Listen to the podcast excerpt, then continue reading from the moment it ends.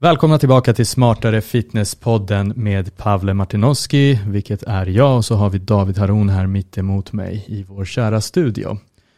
Och David, idag hoppar vi det här försnacket som vi brukar prata om varandras eh, liv och din hund och min fru och din fru, eller? Jag har ingen fru. Exakt, fästmö. Ja, fästmö. Och idag ska vi istället prata med en helt annan person för att eh, vi gillar ju gäster. Det blir alltid så mycket bättre när någon annan får prata. Så idag har vi faktiskt en gäst som flera har tipsat om. Både Ja. lyssnare, eh, poddgäster som har varit här och eh, som, eh, som vi kände så här, men fan det här måste vi få till. Och eh, det är en kvinna som forskar inom någonting som heter relativ energibrist. Och det tycker jag låter lite som en så här, jätteviktig grej, men att det kanske blir lite så här, ah, vad är det egentligen? Så det låter lite som ett buzzword om man inte fattar vad det är. Så vi ville verkligen få till det här mötet och den här podden med Anna Melin. Välkommen till studion Anna. Tack så mycket. Så, berätta lite, nu fick du en jättekort eh, icke-presentation av dig, så berätta istället du vem du är och vad du pysslar med. Ja, jag är dietist i botten. Ehm, jobbat, Eh, utbildad i Danmark hela min utbildning. Eh, så jag läste till det som heter klinisk dietist. Och eh, nu är jag ju så gammal så det här är ju jättemånga år sedan men, men så hade jag som tur, jag visste redan från början när jag började läsa att jag ville jobba inom elitidrotten. Så när jag var färdig, utexaminerad, hade fått min legitimation 1995 så fick jag jobb inom dansk elitidrott. Så jag jobbade i en organisation som hette Team Danmark eh, som jobbar då med idrottare som kvalificerar sig till EM, VM, OS. Och där jobbade jag som koordinerare, alltså jag byggde upp hela den här miljön omkring nutrition, idrottsnutrition eh, och jobbade där i 15 år. Och min väg in, jag tränade gymnastik eh, när jag var ung eh, och fick en jätteallvarlig ätstörning när jag var 12-13 kanske, som höll på till jag var 20. Så jag tyckte själv att jag liksom kastade bort i stort sett hela min ungdom på den skiten, för det är det verkligen, det är förfärligt. Så jag tänkte någonstans att ja, men ska det här ge någon mening så, så ska jag försöka jobba med det. Eh, så det var min ingång till det. Det var därför jag läste till dietist och det var därför jag började jobba inom, ätstör, eller inom idrotten. För jag tänker att jag ska vara med och förebygga detta. Och så hade jag sån tur, så precis då när jag var nyexaminerad så var det en, en sån här jättestor eh, stort reportage i danska media omkring just ätstörningar inom idrotten. Och eh, då var jag på rätt ställe på rätt plats, eller rätt ställe på rätt tid och fick det här jobbet. För det var det, de sökte då, någon som kunde jobba med omkring det där. Så det gjorde jag eh, och var kvar där då i 15 år och sen så hade jag tur och fick en, eh, en eh, vad heter det, individuellt doktorandstipendie på Köpenhamns universitet och kunde ta med mig många av de frågorna som jag hade från mitt kliniska arbete inom elitidrotten in i forskningen. Och bland annat så handlade det ju om ja, men hur kommer det sig att de här elitidrottarna som svälter sig fortfarande är normalviktiga? Ehm, och det, var, det var en av frågorna, också lite det här med men vad händer vad händer till exempel med fertilitet på lång sikt om man inte har menstruation när man är i ung ålder? Alltså, massa sådana här forskningsfrågor som jag tänkte, men det var ingen som kunde svara på. Eh, och när jag jobbade inom idrotten så var det ju, alltså det var ju väldigt mycket fokus på ätstörningar och samtidigt är det ju otroligt tabubelagt. Att det är ingenting vi pratar om, det är psykiska sjukdomar, eh, det är svårt att se, man ser ju bara på vad ska man säga, människor som har anorexia nervosa egentligen, att man, att man är sjuk. Alla andra som har en ätstörning ser man ju inte. Så, att, så det blir mycket tabu och det var också en ingång till varför jag började forska omkring just låg energitillgänglighet och relativ energibrist och, och, och börja prata mer om det istället för ätstörningar. För ätstörningar har jag, min upplevelse i varje fall från idrottens sida är att det stänger många dörrar att börjar man prata om det så nej, ja, men det här det problemet har inte vi, eh, Mm. så, så pratar man inte mer om det. Och eh, relativ energibrist kan man ju ha av många olika anledningar, bland annat en ätstörning. Men det behöver inte vara det. Mm. Och det vill säga att då blir det mycket, mycket lättare att prata om. Nice. Så det var liksom min ingång till varför jag började och hur jag fick lov mm. att börja forska omkring det. Och framförallt ett jätteviktigt ämne som, som när du kände att du inte hade efter jobb, eh, kliniskt jobb och efter att du har jobbat i många år med liksom idrott, alltså på högsta nivå, så finns det fortfarande, fanns det fortfarande massa obesvarade frågor. Mm. Och då är det, jag, jag kan, så här, nu, nu är inte jag forskare så, men jag, jag tänker det du, den, den delen du kommer ifrån, det blir liksom att du inte hamnade i någon forskarbubbla utan du kommer från praktiken och tar med det in i forskarvärlden. Det känns som att det är verkligen det som behövdes och, eh, och eh, så otroligt kul att höra hur du, hur du hamnade där och så. Men ska vi hoppa in och börja prata om vad det är? För mm. jag personligen kan tycka att man kan slänga sig lite med ordet energibrist. Man kan slänga sig med ordet relativt. Eh, och så här, vad, vad är liksom definitionen någonstans och vad, eh, ja, vad, vad är en, en, relativ energibrist? Mm. Alltså, det, när man säger nu att man går på en bantningskur till exempel, man vill gå ner i vikt då måste man ju ha ett energiunderskott, alltså man är negativ energibalans för att kunna gå ner i, i vikt. Eh, och, eh, så det kan man ju göra medvetet, att man antingen börjar träna mer så man förbränner mer eller man äter mindre så att man liksom har ett lägre energiintag. Så det blir liksom en, en, en negativ energibalans, så går man ner i vikt. Men, men grejen är den att kroppen går i försvar. Så oftast är det när man gör det, alltså antingen att man, man bantar eller att man börjar träna mer på hösten utan att tänka på att man behöver mer, så man liksom per automatik går ner lite i vikt. Oavsett vad så efter ett tag så går kroppen i försvar. Och då, då sänker den helt enkelt energiomsättningen. Um, De här negativa adaptionerna liksom som vi har ja, pratat om många gånger. En, precis, det blir en metabol adaptation, alltså en, en tillvänjning till energiomsättningen. För kroppen gör ju väldigt mycket för att skydda sig. Och speciellt om man är normalviktig, vilket ju många som tränar egentligen är, men håller på att banta ändå. Yep. Då är kroppen snabbare till att gå i försvar. Men det här sker även på överviktiga. Eh, och det som händer då, det är ju att, att eh, man eh, Alltså viloämnesomsättningen sjunker. Eh, och man kan stänga ner processer som kostar energi i kroppen. Eh, till exempel reproduktionsförmågan, alltså menstruation eller produktion av testosteron för herrar. Ja. Eh, för det kostar energi. Så det är alltså ett, egentligen så är ju det här ett väldigt, väldigt smart sätt av kroppen att skydda sig. Och det vill säga då att man uppnår energibalans igen, men på en lägre nivå. Så att man kan vara viktstabil och ha liksom, ja, någorlunda normal kroppssammansättning men ändå har man inte tillräckligt med energi i kroppen för att alla basalfysiologiska processer som till exempel produktionen av könshormoner kan mm. fortgå. Och därför är det en relativ energibrist, det vill säga att man är energibalans, det vill säga att man har stabil vikt på en lägre nivå, men man har fortfarande inte tillräckligt mycket energi i kroppen för alla de här processerna. Det blir som ett nytt, liksom, ja. Eh, det, det, nya liksom stabila läget fast den är ja. fel ändå. Ja, precis så. Ja. Och det här måste ju vara en skala, som ett spektrum på när det blir värre Absolut. och värre och värre. Jag har ju tävlat i fitness, så jag vet ju precis vad du pratar om. Och, så, så, så, jag gick ju in mot den röda zonen om man säger så.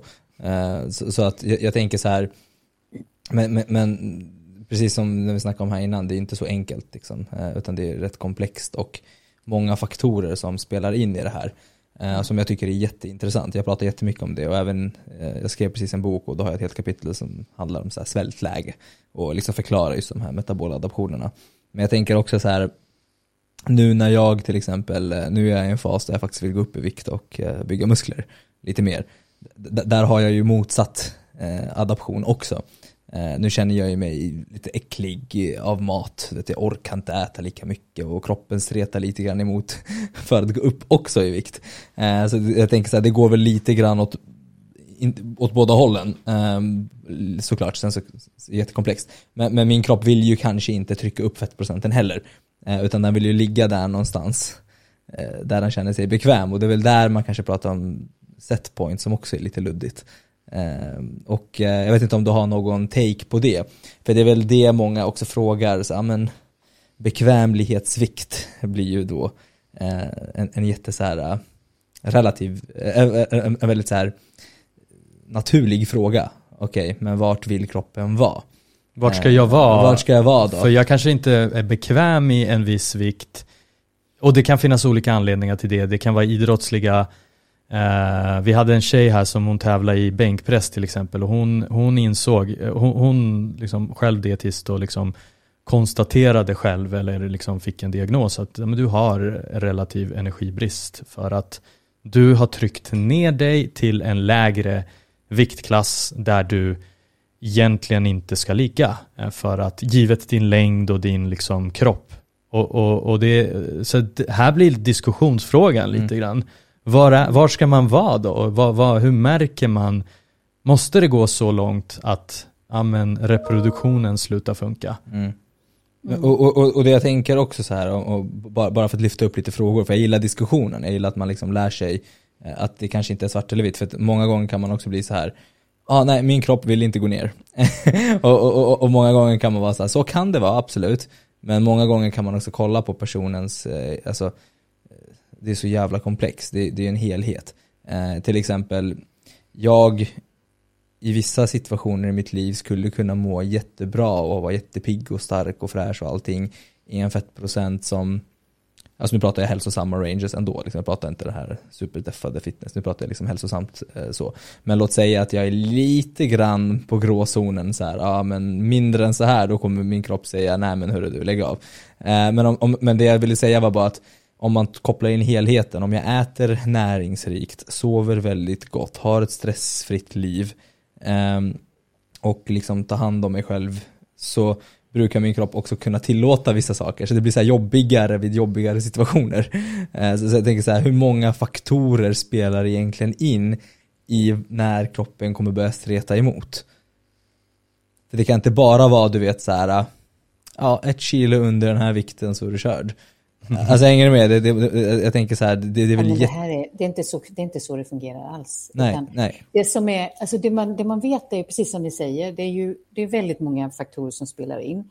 Vad som händer i kroppen och hur manifest det här blir, om det blir farligt eller inte. Mm. Liksom. Eller farligt, men om det får hälsokonsekvenser eller eh, prestationskonsekvenser eller inte. Och det handlar bland annat om eh, hur kraftig den här energiunderskottet är, alltså hur mycket man svälter sig, Exakt. hur stor energideficit det är. Ju större energideficit, ju större problematik, alltså ju mer åverkan gör man. Också längden, hur länge man håller på framför allt kanske. Eh, och likadant är det skillnad på kön, det vill säga kvinnor är mycket, mycket mer känsliga för detta än män. Mm. Eh, och likadant ålder, vi vet att unga är mycket mer känsliga än vuxna. Så när man väl har fått ett, vad ska man säga, en, en vuxen kropp med hormoner, för det är, ofta, det är ju hormonerna som spelar in här många gånger, det är det som styr om det blir det ena eller det andra, vilken åverkan det här gör. Mm. Eh, så ålder spelar otroligt, och sen är det individuella skillnader. Ja.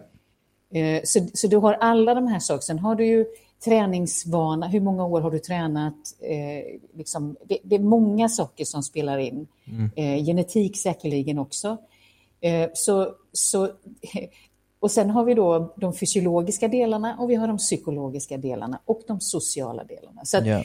det, det, är väldigt komplext. Jag, liksom jag, märker att, jag märker att jag ställde kanske en konstig fråga. Jag, jag syftade kanske lite mer på, jag märker att i ett underskott så är det ju ett underskott. Då trycker du ju ner, då svälter du ju liksom, mm. det är en kontrollerad svält. Hur man det, det, det jag menar kanske lite mer var, alltså vart du är vart du, vart du hormonellt sett och allt vad det är mår bra i energibalans. Mm. Alltså, ja, du, och kopplat alltså, till setpointen. Det, det det handlar om det är ju, och det där är ju individuellt. Eh, ja. Alltså, ja. Det, och, och därför så kan du inte, alltså normalt så säger man, var var du, normalt när jag har, när jag har idrottare som jag pratar med så säger jag att ja, men, de har hållit på jättelänge, så säger jag, men vad, vad vägde du innan? Mm. Hur, liksom, hur var det innan du började mixtra med maten? Hur var det liksom? Alltså någonstans att man har en set point. Eh, och, och, och, de flesta har ju varit normalviktiga, de flesta har varit vältränade redan innan de började med det här. Men så har det hänt någonting att de till exempel då har börjat deffa inför en viktig tävling och sen har det mm. gått fel. Att mm. istället då för att det är ner och sen upp igen så har de fortsatt att ligga restriktivt ja. länge. Och det är ja. det som är problematiken. Så det här med, där du säger bekvämlighetsvikt, eh, alltså... Eh, den är ju också individuell i ja, ens, i, i, ens ja. individ. Och det var kanske den lilla, lilla approach-vinkeln jag ville komma med. att i, i, det är individuellt men det är också individuellt för individen också. Att den personen... Du menar periodisering eller vad? Nej, nej, nej jag tänkte mer, jag tänkte mer om, om, om vi tar, vi, vi, gör så här, vi tar mig som exempel liksom. Låt säga nu att så, ja men eh, 11% kroppsfett. Det är teoretiskt sett för mig så, äh, gå inte under det här, då kommer din kropp bli jättearg på dig. Eh, och börja dra ner på processer och, och, och allt, allt vad det är. Men, men även i min situation, eh, om jag liksom sköter massa andra faktorer så, så tillåter kroppen mig att vara där. Eh, alltså hänger du med? Att det, kan, att det kan vara individuellt även i min situation. Alltså om man, inte håller, om man äter ordentligt till exempel, om man tränar hårt, om man sover ordentligt. Ja, du menar om man, om man drar in andra livets, livets andra stressorer och du håller dem i schack säger vi. Ja. Men det är ett väldigt teoretiskt eh, läge. Ja, liksom, exakt, och det är, jättesvårt, det är jättesvårt för att jag vet också att förut när jag höll på och hade noll kunskap, då var det också så att jag tog inte hänsyn till någonting annat än att bara eh, Eh, eh, bara ligga där och då, och då, och då alltså, eh, jag tänker så här hur mycket man stressar kroppen överlag. För man kan ju stressa kroppen på fler sätt än bara att... Jo, men det, det är så här att alltså, när man har tittat på, det finns ju olika studier, man har tittat ehm, eh, på, och det också tror jag det är könsskillnader eh, och just det hur extremt det blir. Eh, det finns studier som visar till exempel att om du får relativ energi, alltså får en låg energitillgänglighet för att du tränar mer så har det inte lika negativ effekt som om när du får det genom att vara restriktiv med maten. Yeah, yeah. Så det är skillnad hur kroppen reagerar. Det är mer allvarligt att få Alltså att dra, dra, in, alltså att man är så restriktiv än att du bara så att säga ökar eh, energiomsättningen genom träning. Ja, ja. Sen vet vi också från, det, det ligger en, en jättesnygg studie, Friedel, eh, som är, har några år på nacken med, med såna här vad heter det, soldater som skickas ut i, alltså på sån här jättemarsch med jättetung packning och det är varmt och de sover inte, alltså sån här multistressor.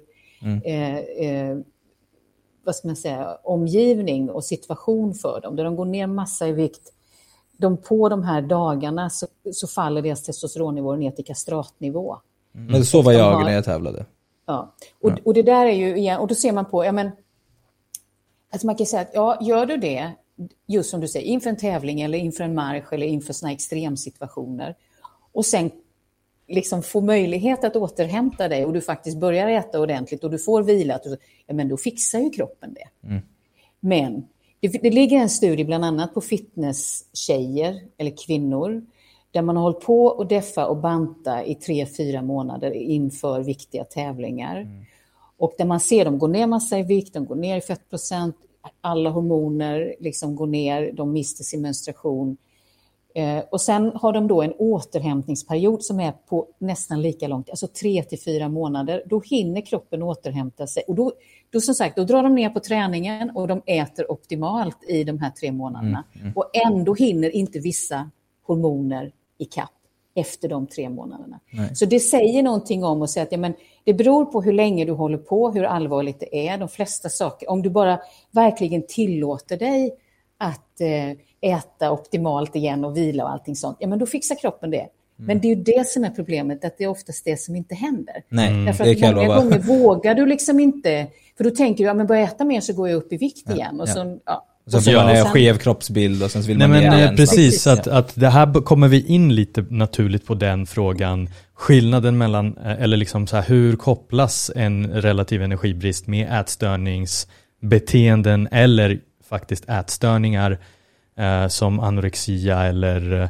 ortorexi mm. eller vad det eh, nu kallas. Jag Ortorex, kanske... Ortorexi finns det inget som heter. Faktiskt. Nej, men, Nej, men jag, jag, jag, jag, jag tänkte faktiskt komma med en liten disclaimer att jag nog har eh, slaktat eh, lite definitionerna där och liksom eh, de här namnen. Men, men om vi liksom pratar ätstört beteende överlag mm. kopplat till energi, relativ energibrist och just det caset som vi nu precis tog upp att så här, ja men om du låter kroppen återhämta sig, om du låter kroppen eh, komma tillbaka och hormonerna komma på sin rätta plats efter en sån ja, men antingen marsch eller en, en liksom tävling, ja, men då är det väl okej, okay. kroppen mm. tål väldigt mycket stryk mm. om du sen låter den återhämta sig. Ja, förutsatt men... att du inte är för ung.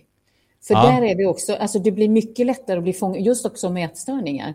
Ju yngre man är, ju lättare är det att man, man fångas in i det beteendet. Så det är, en, det är en riskfaktor i sig själv för att utveckla en ätstörning, att du börjar banta. Liksom. Det är ja. de allra flesta som, som får en ätstörning börjar ju med en vanlig bantningskur. Mm, precis, och sen, exakt, att det är liksom något beteende som du sen liksom inte kan ta dig ut ifrån mm. för att du liksom har på något sätt låst upp en annan värld som du inte ska vara i. Mm. Uh, och, och jag tänker så här, kan vi prata lite om det? Vad är din erfarenhet?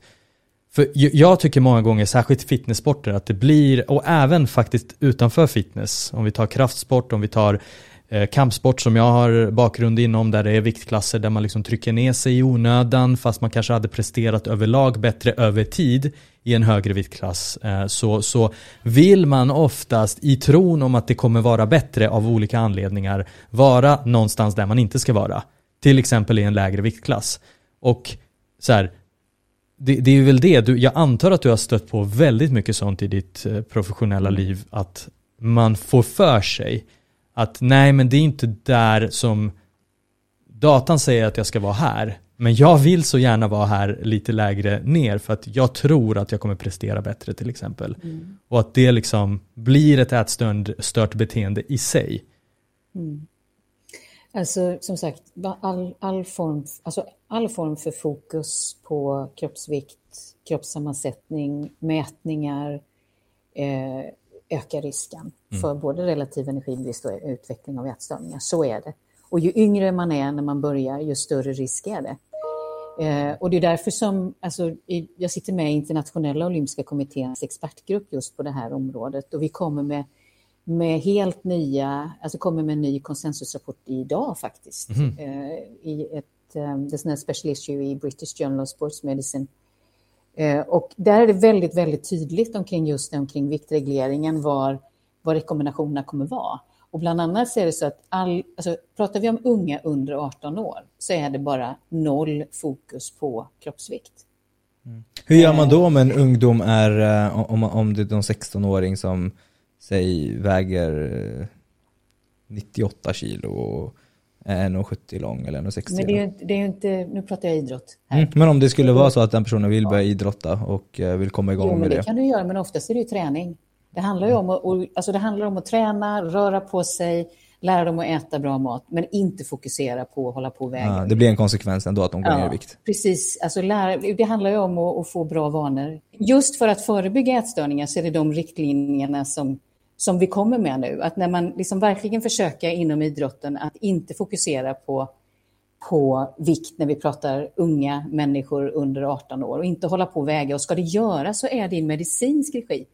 Alltså det som du undrar, just om du har en då som väger för mycket eller som man är orolig för, ja men då är det läkarteam som tar hand om det. Då ska man inte hålla på i annan regi liksom, så att det, det liksom tas om hand på det sättet. Och pratar vi idrottare som inte är på någon internationell nivå, då, då pratar vi om det ska man inte heller. För då har man så mycket kvar av andras knappar eller skruvar att skruva på för att optimera prestationsförmågan. Så det är liksom inte relevant överhuvudtaget att fokusera på vikt. Utan då handlar det om teknik, det handlar om med träningsmängd, det handlar om så många andra saker. Att lära sig äta optimalt, att lära sig periodisera liksom kosten i relation till träning och så vidare. Och det är först när man är på internationell nivå, då börjar vi prata. Och då ska man ändå, innan man överhuvudtaget behöver eller tänker att ja, men, viktoptimering i relation till prestationsutveckling, att man verkligen säkrar att den här personen mår bra. Att den inte har något stört ätbeteende eller något. Alltså så, så är de nya riktlinjerna som kommer. Så att man jobbar väldigt mycket med att försöka få bort fokus från vikten och prata hälsa och prestation utifrån andra aspekter än just bara fokus på vikt. Det där är det jättebra. Är jätteviktigt, ja, men jätteviktigt i relation till just att förebygga stört ätbeteende, ätstörningar, för det är det som är roten till mycket av det onda som sker i det. Det är så liksom tankarna växer. Och, det så. och när vi pratar ätstörningar så utvecklar det, så man brukar beskriva liksom ett ätstörningskontinuum som, man, som går från det friska normala, där liksom man kan där man kan äta god mat och njuta av det. Man äter när man är hungrig, man slutar när man är mätt och man har en schysst eh, kroppsuppfattning. Man tycker att man, är, man, man ser okej okay ut och eh, man tränar för att må bra, för att bli bättre och för att bli starkare. Liksom. Men, så det är det friska över till subkliniska nivåer där vi pratar restriktivt ätbeteende, vi börjar med tvångsmässig träning, eh, man börjar få dålig kroppsuppfattning, alltså att självkänslan faller, man börjar träna mer, men inte träna för att det är roligt för att, förbättra, för att bli starkare, utan för att man liksom ska förbränna kalorier.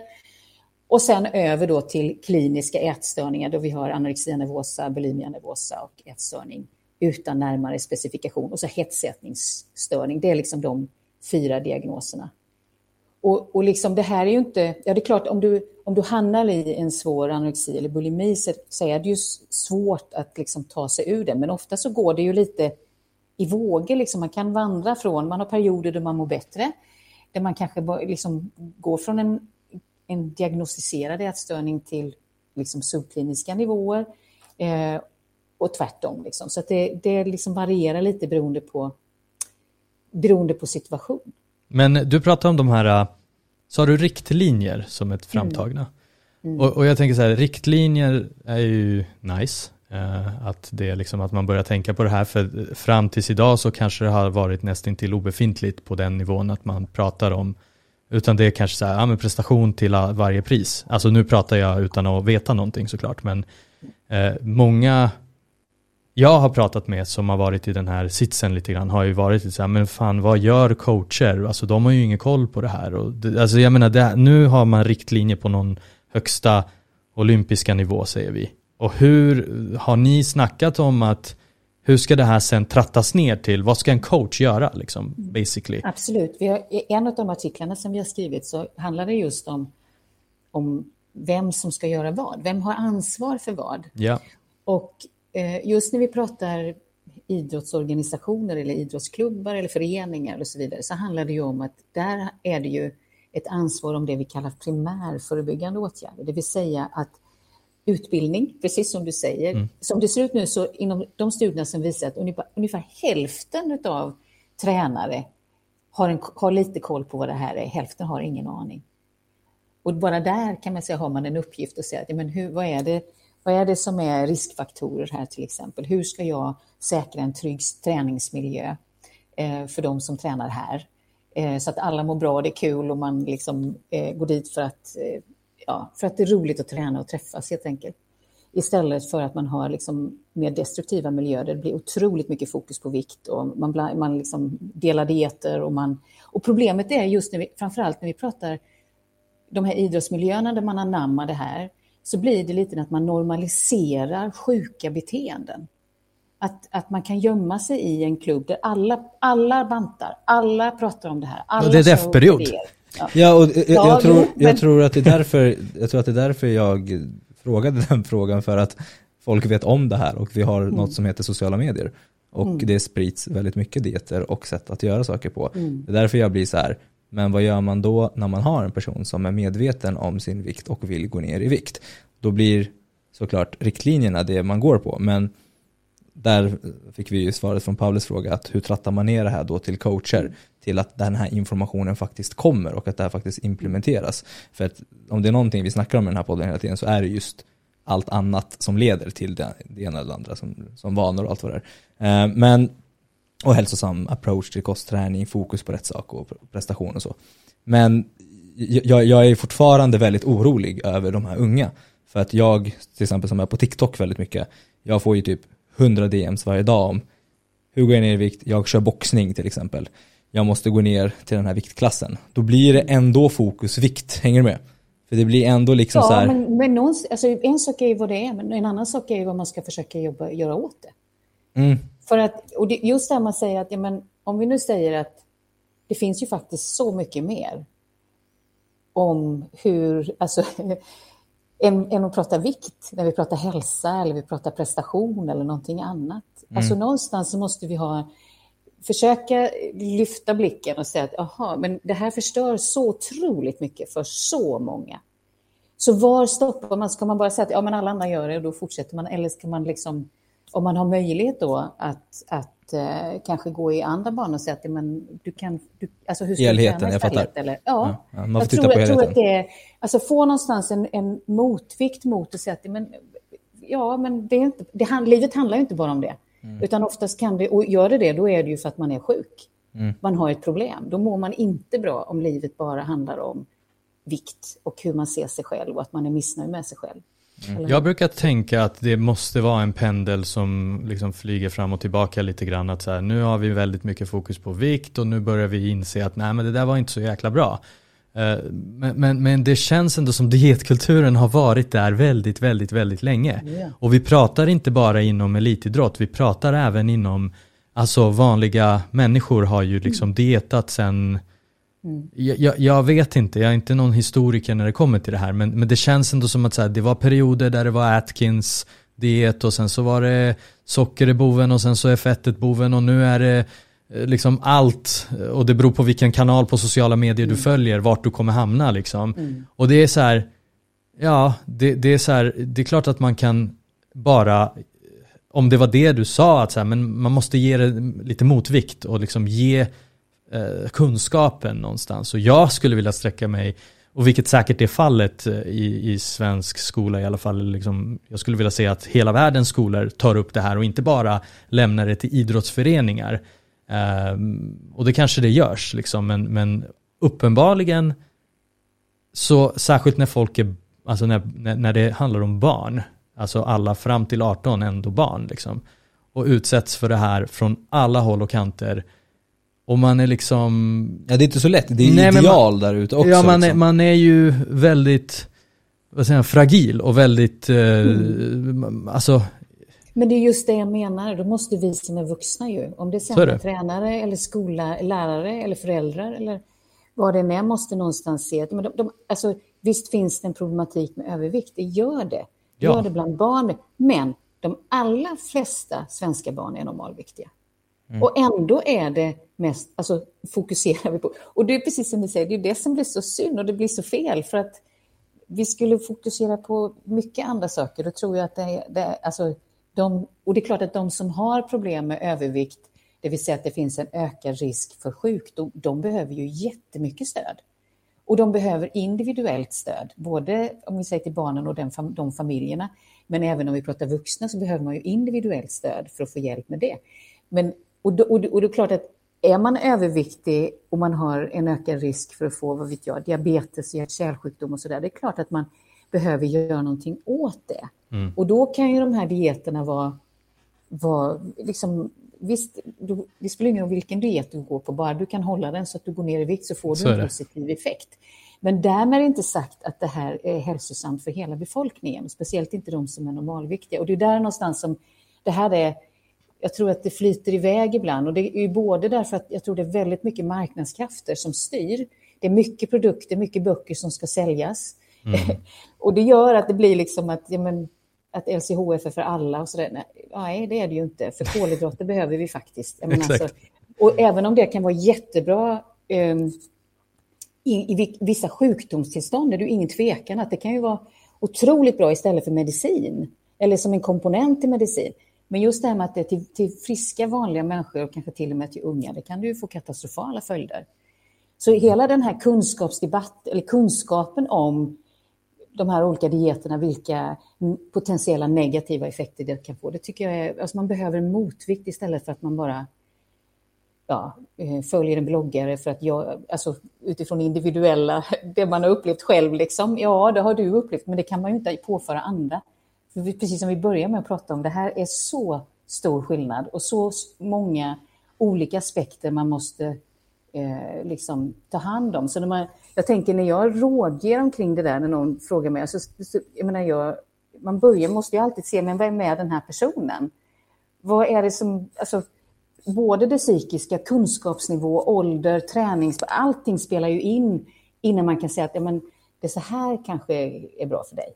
Alltså du, du är så Ja. olika, tänker jag. och, och du som har kompetens kan ju faktiskt tänka, men vänta nu, vi måste göra en behovsanalys. men, Precis, men liksom, eh, någon där ute som blev frälst av LCHF vill ju frälsa sina närmsta. Mm. Och, och, det blir ju så fel. Mm. det blir ju så fel liksom. Så att där har vi ju såklart ett problem. Men jag, alltså jag håller med dig om att ge lite motvikt är det enda vettigaste lång, vettiga långsiktiga sättet att liksom motverka det här. Men jag vill ändå understryka det här att det är så svårt. För mm. att det, ibland behöver ju personen gå ner i vikt, till exempel. Som, som vi var inne på lite grann. Ibland är det så, då blir det så här, ja men fast fokusera inte på vikt. Fast man kanske borde gå ner i vikt. Och den, den blir ju tuff, men det kanske är så ändå att man ska ändå försöka hålla sig till att inte prata om vikt för att du har som du någon gång sa, du har så många andra spakar att dra i. Um, men en annan aspekt som jag tänker på, ja, idrottsföreningar, jättebra att de börjar lära sig mer om det här. Säg att skolorna tar lite större ansvar där, säg att sjukvården tar ett ansvar i de här liksom, kontrollerna man gör, eh, det, det man liksom men, men för, för, pratar du övervikt nu eller vad pratar du? Nej men jag, jag, alltså till exempel att fånga upp det här i ett tidigare skede. Jag tror att man måste jobba brett, eh, tänker jag. Um, pratar du relativ energibrist? Ja, jag, pra, jag pratar relativ okay. energibrist och ja. kanske framför allt också, eller inte framför allt, men relativ energibrist och ätstörningar kan ju vara också en, mm. en, och du sa där någon gång att ja men även ätstörningar, det behöver inte vara det är inte synonymt såklart, det är två olika saker, men det kan ändå vara um, att de... Alltså du kan, du kan, du kan uh, utveckla en ätstörning mm. av att, precis som jag sa, du, du, det liksom, du kan, man kan bli sjuk och så plötsligt har man gått ner några kilo eller man börjar träna och plötsligt har man gått ner några kilo och så blir man liksom fångad i det och så kan det med tiden utveckla sig till en ätstörning. Eller som sagt att livet händer. Eh, traumatiska upplevelser kan det också vara som triggar igång en ätstörning, du bara slutar att äta och sen får du de fysiologiska konsekvenserna sen. Så det finns ju bägge delar. Det är lite olika studier på det. det de, de studierna vi har gjort tyder på att de allra flesta som har relativ energibrist har inte en ätstörning. Mm, okay. Men alltså, vi håller på med en studie nu som, där, vi, eh, där vi gör en studie på svenska landslagsaktiva, alltså både män och kvinnor inom alla idrottsgrenar och kontroller, alltså alla de som är icke-elitidrottare så att säga. Eh, och eh, de preliminära resultaten från det visar någonstans att ungefär 17 procent av alla de vi har inkluderat hittills, eh, män och kvinnor, det är ungefär 400, har en ätstörning eller symptom på ätstörning ska man säga och tittar vi på skillnaden mellan män och kvinnor så är den ju signifikant. Det är signifikant fler kvinnor än män som har de här ätstörningarna. Men vi har större förekomst hos kontrollerna än hos landslagsaktiva. Mm. Jag, jag, eh. tänker bara så här, nu, nu, för det är många kontexter, det är många vinklar. Om man nu är en elitidrottare och inte har en ätstörning men ligger i energi, en relativ energibrist. Mm. Jag tänker mig den här klassiska friidrottstjejen som springer mm. eh, snabbt eller långt, det spelar kanske mindre roll hon ligger i relativ energibrist för att hon kanske är i energibalans men ändå är där. Så som jag förstod det, att man kan fortfarande ligga i energibalans men, ligga men man har ändå energibrist. Ja, det är det som är relativ energibrist. Exakt. Vad gör man då åt den här personen? Ja, men det, alltså, de kliniska alltså det, det, vi har när vi hittar de här, jag kan bara säga det, för det man tittar efter då det är ju för de, som sagt, de flesta är ju normalviktiga. De är tunna ju och in, inom sin idrottsgren som man ska vara. Men, men eh, så man ser det oftast inte på vikten. Eh, så det vi tittar efter är ju kliniska symptom. Och menstruationsrubbningar är ju det, det, är liksom det som vi kan titta på hos kvinnor. Förutsatt att de inte äter pre, alltså hormonell prevention, för då kan vi inte använda det, för då har man ju en konstig blödning, liksom, eller ingen alls på grund av ja. eh, om man får de typen av hormonerna. Eh, och det är klart att, eller också kan det en annan indikation för, kan vara skador, eh, för ofta, alltså frekventa skador, stressfrakturer till exempel. Vi ser även trötthet, alltså att, att man inte orkar träna. Eh, det är oftast det som är de, eller att man inte svarar på träning, att man inte öka sin muskelmassa fastän man lägger den här träningen. Alltså det är ju typiska tecken på relativ energibrist. Och det vi gör då, det är ju att, alltså det beror lite på vilken kontext det är, för det är klart om vi tar de elitidrottarna som är, eh, som till exempel eh, SOK eller de allra bästa vi har, då har man ju tillgång till mätningar. Man, gör, man, man tar blodprover, man gör en DEXA så man kan se skelettet till exempel, man har, och likadant omkring kroppssammansättning mm. så man verkligen kan mäta det med valida metoder. Man gör, eh, man, jag brukar göra en, en, det vi kallar en, en anamnes, där man går tillbaka och tittar på ja, men hur har menstruationen sett ut eh, under de här åren, eh, eller senare liksom när fick de första minark och så vidare, eller först, när de fick de minark, första menstruation. Eh, och likadant ätbeteende, alltså vad, hur, hur ser deras matvanor ut, restriktioner, eh, tankar, allting sånt. Du gör en sån bedömning först och då bedömer du och ser, men vad är det absolut vanligaste, det är att man inte har tillräcklig kunskap. Mm. Att man inte vet faktiskt hur mycket energi man reellt behöver när man tränar så mycket. Och att man äter för lite kolhydrat. Mm. Det är de mm. två. Det är så klassiskt liksom. liksom. Ja, som är nästan alla de vi har, så är det det det handlar om. Mm. Det, är så, det är så intressant att höra det, att det är verkligen det vi får höra och det är även de frågor vi får in till podden och David in till sina kanaler. Liksom. Mycket kretsar ju kring det här, ja, men, hur ska jag göra med kolhydraterna? Mm. Hur, mycket, hur många kalorier ska jag äta? Det blir liksom, ah, så jag tycker det är väldigt intressant att det boilar ändå ner till att det oftast handlar om vissa sådana rödflaggor som ni ser. Mm. Och, och, du skulle börja berätta lite om, så här, då försöker ni då med kunskap hjälpa den här personen att förändra för, sina... För, ja, men först tar man reda på, liksom, alltså man säkrar i alla fall så att det inte handlar om något stört ätbeteende, en ätstörning, ja. för då måste vi koppla på en psykolog också. Eh, så att den här personen verkligen får hjälp. Eh, och ofta är ju det här ett behov, vi, vi behöver sam, samarbeta, så oftast är det ju en läkare, vi har, och det är en dietist och det är en psykolog i sådana fall då, som, som man hjälps åt och stöttar den här personen. Vi försöker att involvera tränarna också självklart så att man liksom verkligen, så tränaren vet hur han eller hon kan stötta den här aktive, eh, till exempel omkring tävling. Om vi tar det här du pratade om innan med viktkategoriidrotter så kan det ju vara så att man i en period kanske inte ska tävla. Därför att det är helt mm. omöjligt eh, att samtidigt öka energiintaget, för det är ju det, det, det, är det som är behandlingen, att man ökar energi och oftast kolhydratintaget, det är det som är den mm. primära behandlingen. Eh, och det kan vara svårt eh, om man då ska väga in till exempel, eller man ska, utan man liksom friar personen i en period från tävling och sen monitor, alltså så man modererar trä, trä, alltså träningsmängden också. För det, är vissa, det beror på vilken idrottsgren det är och hur stora träningsmängder det är eh, hur, alltså, hur mycket det ska till. Och sen är det ju individuellt hur lång tid det ska till också, för det beror på hur länge man har hållit på. Mm. Eh, så, så det där är liksom, ibland kan det ju gå väldigt snabbt eh, och få tillbaka menstruationen till exempel. Och, och samtidigt, oftast är det ju så att när väl kroppen börjar vakna igen och de här systemen börjar fungera, då kan det vara svårt att hålla kroppsvikten. Eh, för då man ökar förbränningen som sagt för att du får igång processerna. Oftast är det också du får mycket mer energi, du får fyllda glykogendepåer, du kan träna hårdare, träna längre, då förbränner du mer. Så att oftast är det ju en... Eh, man går ner istället? Ja. ja, precis. Ja, får man äta ännu mer, ja. ja, men exakt. Så, Jo, men så, så var det också ett, en period för mig när jag låg lågt och sen så när jag började öka kalorierna så droppade jag helt plötsligt all stress och allting släppte och, och blev helt energisk. Um, så, så det där är jävligt intressant också men jag tycker det är intressant hur man hur man hamnar i relativ energibrist utan ätstörningar. Och vad gör man då? jag, jag blir bara så här, i det här scenariot, den här elitatleten kanske bränner sjukt mycket kalorier. Um, och... Men det beror ju på idrottsgren. Mm. Ja, såklart. Väldigt mycket. Mm. Det är ju många mm. idrottsgrenar där man inte förbränner speciellt mycket. Nej, alltså, nej. Det ju också. Ja, nej men det, jag, jag, fattar, jag fattar. Svaret blir att man måste fortsätta med kunskap, fortsätta trycka i kalorier helt enkelt.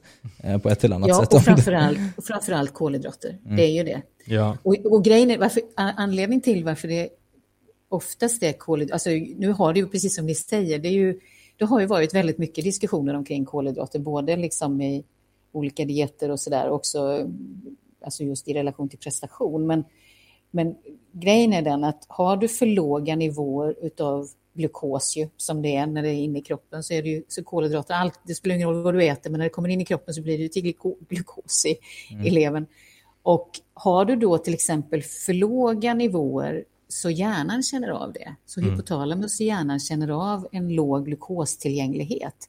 Då hämmar de bland annat, alltså då hämmar de ju jättemånga av de här hormonsystemen. Så till exempel att du producerar mindre könshormoner mm. eh, och tyreidéhormoner och ökar nivån av stresshormon i kroppen. Bara det att du får för lite kolhydrat. Och kolhydraterna påverkar också till exempel skelettet, alltså skelettmassan. Du ökar risken för nedbrytning av skelettet om du inte har tillräckligt med kolhydrater. Du ökar eh, vad ska man säga, risken för att få järnbrist, för du hämmar upptaget av järn i tarmen. Och du kan även hämma ditt immunförsvar om du har för lite kolhydrater. Mm. Så på det sättet just, alltså, kolhydraterna har väldigt viktiga effekter i kroppen, även för, alltså, för generell hälsa, så att säga, för generell funktion. Mm. Mm. Ja, det är intressant varför kolhydrater alltid blir boven i dramat. Ja, det är ät kolhydrater. Det, det, är olika, det är olika, olika strömningar ju. Ja men exakt, just nu är det så. Just nu är det så. Men jag, jag tycker ändå någonstans att inom idrott, jag tycker mig, och det här är anekdotiskt helt och hållet såklart, ingen studie på det, men att jag tycker ändå att kolhydrater inte har börjat liksom, man, man har börjat acceptera att ah, men kolhydrater, ah, men det är fan bra. Liksom. Och det, ja, jag, jag gillar det. Jag vet inte vart du har fått det ifrån. Det, nu är det blodsockerkontroll och jo, det är kolhydrater också. Ja men såklart, men, men jag kan tycka ändå att eh, inom idrotten Eh, alltså det beror på vilken idrott ah, såklart alltså Jag håller inte med dig alls där. Alltså jag, inom, har, jag, ja. jag fick till och med nu ja, ett mail från Försvarsmakten att de ville föreläsa för deras unga soldater kör keto, paleo och allt möjligt. Ja det är bra. Så, så, så det, det, det, alltså det, det är kolhydrat, kolhydrater hamnar, hamnar där på olika sätt. Eh, och det förväxlas oftast med, alltså man tar ur kontext till socker och ohälsa mm. och eh, som vi hade Robel, han doktorn, cancerforskaren, Eh, mm. Samma sak där, att det ger cancer. Alltså det är alltid kolhydrater ja. hamnar alltid i fällan. Jag kan ändå tycka att jag ser lite positiva vindar eh, och att det rör sig mot att man börjar acceptera kolhydrater. Men det kommer väl pendla fram och tillbaka och vi får väl jobba allihopa på vårt håll, på vår kant om att så här, Precis, avdramatisera det. Precis, mm. den där motvikten. Ja, men kolhydrater är ju lite komplext för att det förväxlas som jag sa innan med socker och då eh, det, det, är lätt att röra, det, är lätt, det är väldigt lätt att röra om i grytan och göra folk rädda för kolhydrater. Uh, det, det, är väldigt lätt. För det kommer ur liksom blodsocker, det kommer liksom ur, uh, ur liksom, uh, alltså blodsockerkontroll menar jag då. Och det kommer också ur att socker är farligt och det kommer också ur, ah, ur att nej, tittar du på en kladdkaka så är, det, så, så, är det kolhydrater man ska akta sig för. Men den där kladdkakan innehåller väldigt mycket mer än bara socker. Så är det. Så, är det. nej, så, så det, det, är alltid kolhydrater på mm. ett väldigt, på, på ett väldigt komiskt sätt så blir det det bottnar alltid i kolhydrater. Ja, men låt oss vara motvikten då tänker jag. Men jag, jag vill spinna lite grann vidare på, eh, jag nämnde där eh, att jag har en, eller båda vi har faktiskt en bakgrund inom viktrelaterade viktklasssporter. Eh, och jag, jag ska säga, jag är verkligen lyckligt lottad att jag inte brydde mig. Jag, jag växte, för jag började tävla när jag var typ så här, säg 15. Och då växte jag ju mer och mer och mer och så hamnade jag i högre och högre viktklasser och jag var alltid så här, jag tänker inte gå ner. Jag, jag, jag bryr mig inte, jag är där jag är. Nu var jag väl ganska slank och, och så, så det var aldrig liksom kanske ett problem och det var kanske massa omständigheter som gjorde att jag aldrig liksom fastnade i den där negativa, onda cirkeln där jag skulle deffa och hålla på inför varje tävling. Men du som har så mycket erfarenhet av att jobba med eh, elitatleter, Alltså hur mycket kan, om man hamnar i det här stadiet som relativ energi, alltså ett, en relativ energibrist, hur mycket påverkar det ens prestation? Eh, han tar väldigt mycket, men kan vi prata lite om det? Hur påverkar prestation och återhämtning och, och, och liksom relatera till ens idrott? För, för, för, som sagt, jag tror att om jag hade deffat ner mig, ja, jag kanske hade kommit in i en Eh, säg att jag hamnade i en viktklass där jag, ah men där är jag lite mer, eh, det här är bra, det är taktiskt för jag kan vara lite mer konkurrenskraftig där för jag är lång säger jag för den mindre viktklassen. Men samtidigt, om jag presterar sämre än det jag kunde, vad var då, alltså, var det bättre verkligen? Så kan vi, kan vi prata lite om det och dina erfarenheter av att, eh, hur det påverkar prestation och återhämtning? Ja, absolut. Det där är ju, det ligger för, förvånansvärt få studier mm. just på prestation. Mm. Det ligger ganska många sådana här uh, case studies som man säger, yeah. just på eh, vad vet jag, bodybuilders, fitness. Du vet, när det är en person som man har följt, följt över ett år och de har liksom gått in och ur eh, med, i relation till, till tävlingar då. Och där man har liksom, eh, alltså just igen lite alla det här, eh, vad heter det, den här soldatstudien jag, jag visade till innan, alltså testosteronnivåerna sjunker ju extremt och så. Men det är case studies. Vi har precis gjort en studie, det är en forskare som heter Mette Hansen och Mikkel Oxfeldt på Århus universitet i Danmark som har gjort en väldigt snygg studie där de har tagit in crossfit-tjejer, kvinnor, mm. eh, och eh, som, som, är liksom, som verkligen är i balans. De har regelbunden menstruation, de äter inte p-piller, de har varit viktstabila. Och så får de dem till att genomföra en typisk sån här viktreduktionsfas som man gör inom elitidrotten. Att man har liksom tagit två veckor eller tio dagar, ganska kraftig energiunderskott liksom för verkligen att komma ner. Och sen har man en återhämtningsfas på ett par dagar där man fyller glykogendepåerna och sen är det liksom tävling. Ja. Och det vi såg i den studien var att på de här tio dagarna de, och det ska sägas då att det de gjorde också, för det finns en annan studie som har tittat på proteinsyntes som visade då att men det var bara över ett dygn och då såg man att ja, men om man gick in med styrketräning så, så kunde det kompensera för svälten, liksom, så man fick inte någon nedsatt proteinsyntes. Men över de här tio dagarna, även om de här tjejerna blev satt, det var superviserad styrketräning, så sjönk deras proteinsyntes signifikant. De tappade jättemycket vikt, men de tappade först och främst muskelmassa. Men de styrketränade inte som jag förstår det? Jo, okay, ja. absolut. Det var det de gjorde. Ah, okay. Och de fick extra styrketräning under de här tio dagarna för att kompensera då, men ah, det gjorde okay. inte det. Det gjorde inte det. Så man, vi har, och plus att vi tog, tog ju såna här, eh, vad heter det, så självklart så sjönk ju glykogennivåerna signifikant, men även proteinsyntesen. Och när vi då nu, den, den studien är publicerad, men det vi tittade på också var ju just prestationsförmåga, alltså styrka, explosivitet, sprintförmåga. Allt det sjönk hos de här tjejerna som hade eh, deffat, eller vad man nu ska kalla gått ner i vikt. Och det hann inte återhämta sig på, den här, på de här dygnen. Utan de hade fortfarande, även när vi tog det dividerat med kroppsvikt, för det är mm. oftast det man säger då, du har power to weight ratio, att det är det det mm. handlar om. Ja, men då, då kompenserar, visst du kan bli lite svagare men du väger det mindre så därför så får du en prestationsframgång ändå. Men det visar den här studien, nej, det gjorde den inte.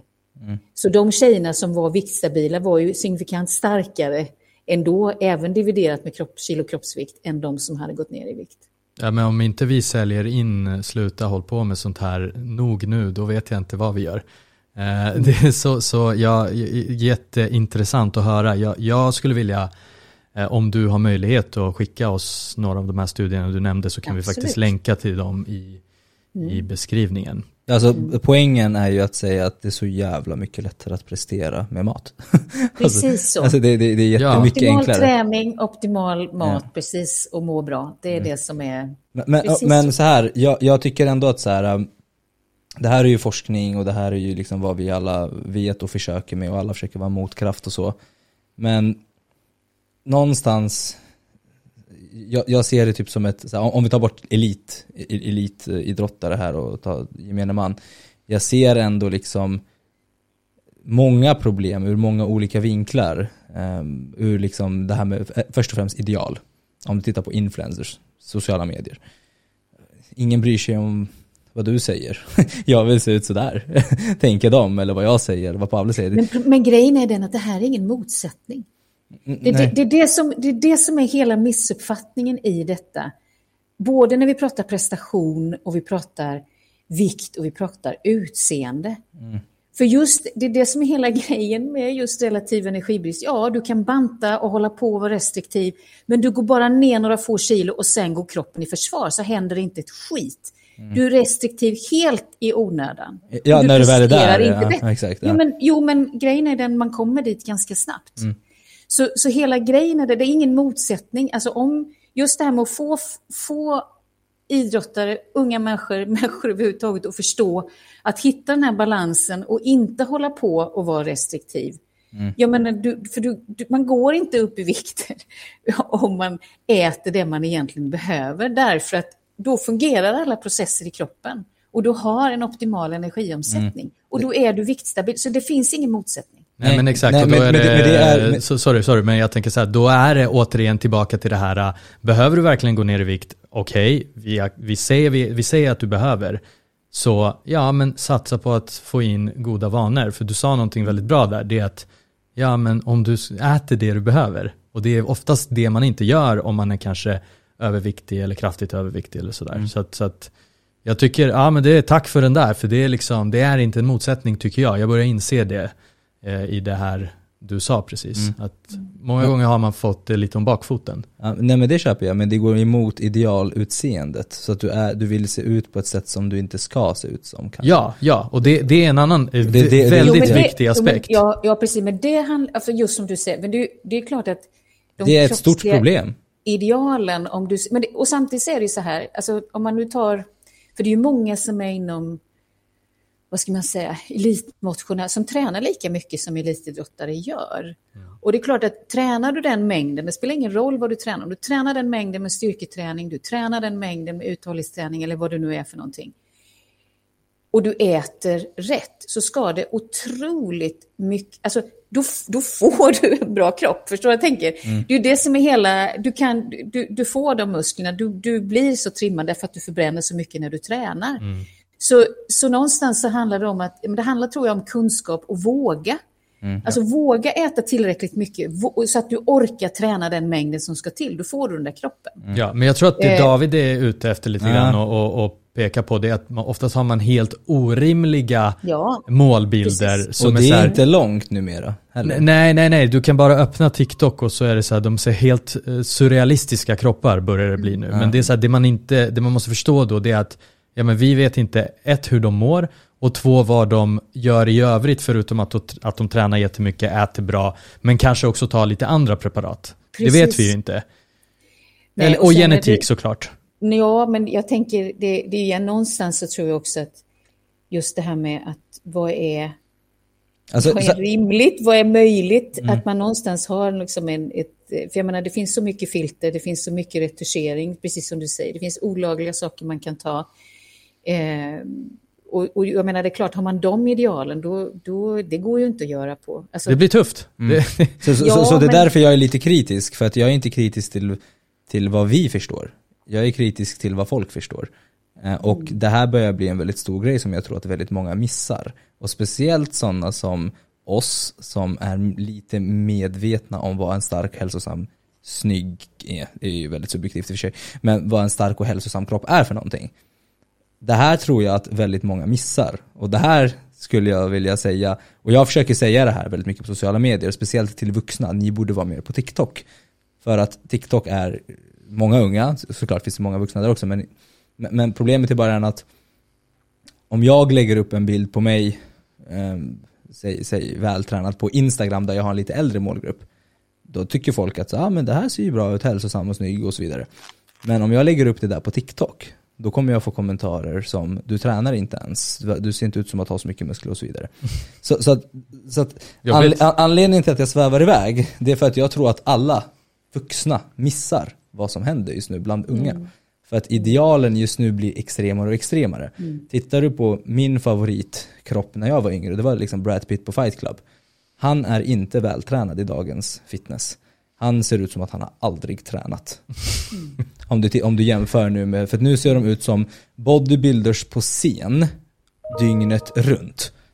Och sen så, som du snackade om fot fotoredigeringen som du var inne på. Det är ju liksom, det finns ju nya saker som börjar hända nu som börjar exponera som inte många tänker på. Videofotoredigeringar, så det här mm. har också kommit in i video nu.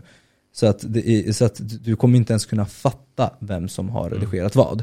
Så man har, gjort, man, man har sett på en tjej som går på en catwalk och eh, folk var så oh shit vilken kropp och så vidare. Men ingen förstod att det här var AI fotoredigerat i en rörlig bild. Ja, ja. Så Photoshop har ju funnits länge och utvecklats och så, men nu börjar det också bli videoredigerade filter också mm. som framhäver konturer och så det. Det, så, så att, det där är ju jätteviktigt David, alltså ja, verkligen få och, ut, för det, det, är ju väldigt få som är medvetna om det. Ja, och det är därför jag är lite mer så här utbildning och hälsa i all ära och äta tillräckligt och få folk att förstå i all ära. Men det finns ett större problem tror jag mm. som fuckar till ordentligt med folks psyke och speciellt om vi börjar titta på unga. För unga skiter fullständigt i bra snack och hälsa.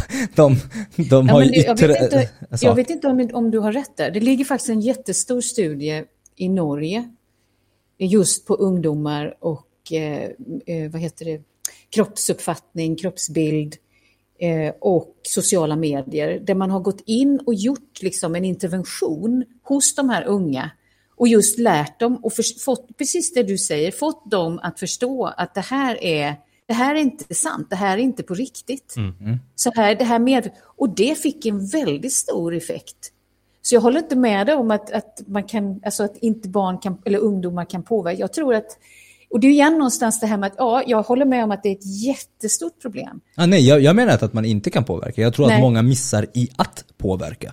Mm, I att ta ja, den här pucken. Att Nej, men det är jättekul att höra då ja. att det fanns en sån studie ja. och att det är så här, okej okay, bara du visar ditt barn eller liksom dina eh, ja, och ta upp det i skolan tänker jag. Ja, ja exakt. Ja, att man exakt. verkligen pratar om sociala medier, hur det används och hur man, alltså med fat shaming och allt det här som föregår.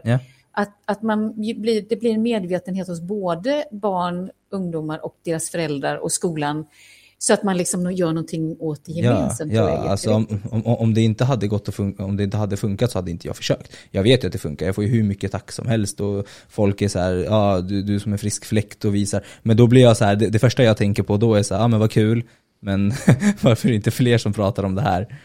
Ja. Eh, bland unga. Och det, det är där jag tror att... Men det är därför vi pratar om det David, ja, i den här podden. Men, så det är jättebra. Ja. Men hörni, ska vi, eh, jag vet att tiden rinner iväg lite grann, men jag tänker så här, jag har en till sista liksom kanske delmoment av det här, den här podden där eh, om du fick eh, önska fritt, vad, eh, vilken, eh, vart skulle du säga att det behöver forskas mer? Och vad har du i pipen när det kommer till um, forskning inom det här ämnet?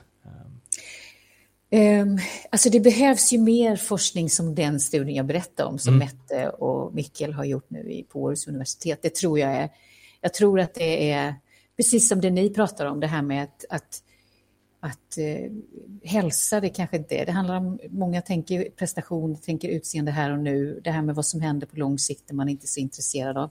Så jag tror vi behöver väldigt mycket mer forskning där. Vi behöver även se forskning på, se, ja men, könsskillnader till exempel. Um, um, det jag själv har i pipeline är för det första, vi håller på med den här svenska studien, så där söker vi fler försöksdeltagare, bara så att jag får möjlighet att säga det. Eh, REI-projektet heter det, mm. eh, där vi söker både elitidrottare på landslagsnivå och kontroller eh, mellan 18 och vad blir det, 38 år. Eh, verkligen när vi tittar då på förekomst av relativ energibrist, psykisk ohälsa överhuvudtaget. Eh, så där behöver vi mer försökspersoner. Så du som lyssnar, om du eh, hörde det här precis, anmäl dig på något ställe som vi kommer ha nere i beskrivningen. Vi säger så, eller hur?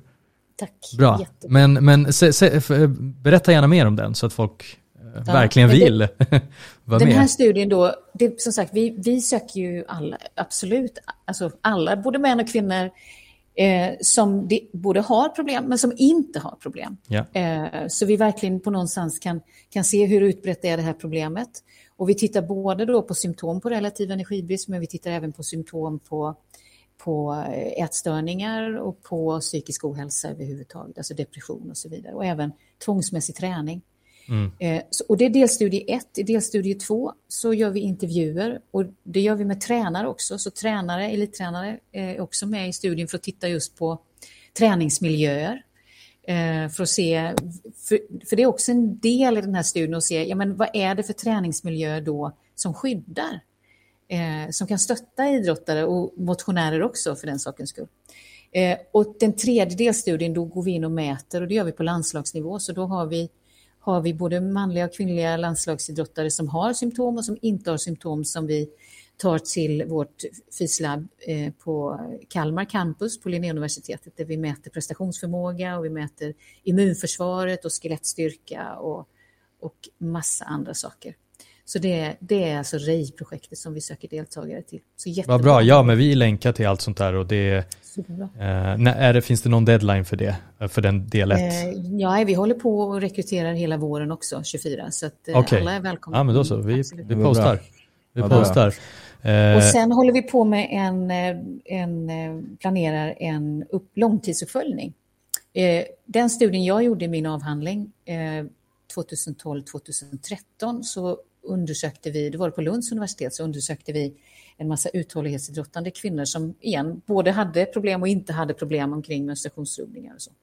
Och de tänker vi göra en långtidsuppföljning på för att se på fertilitet, för att se på skeletthälsa men även hjärt-kärlproblematik. För det har man sett i, i flera studier att när man håller på att träna så här mycket och har relativ energibrist och man inte har menstruation eh, så får man för höga kolesterolnivåer och man får nedsatt endotelfunktion, precis de riskfaktorerna som man får när man kommer i menopausen, mm. eller som män har, som man menar då ökar risken för hjärt-kärlsjukdom. Men det är aldrig någon som har tittat på, ja, men får man det då? Eller är det kanske helt ofarligt när man är i fertil ålder? Det låter som det podd nummer två, om du är mm. pepp på det, när det blir dags. Precis. Eh, men eh, jag, eh, om det inte var något mer du ville tillägga som du hade i pipen så vill jag verkligen tacka dig för att du tog dig tiden. Stort tack. Tack för att jag fick komma. Och om det är någonting du känner att vi har missat, att, alltså nu, nu pratade vi högt och lågt och det var liksom, vi svävade ut lite grann, det är lite tanken att försöka få in så mycket vi bara kan, men det är en timme är en timme fortfarande, så man hinner med det man hinner. Men om det är någonting du känner så här, ja men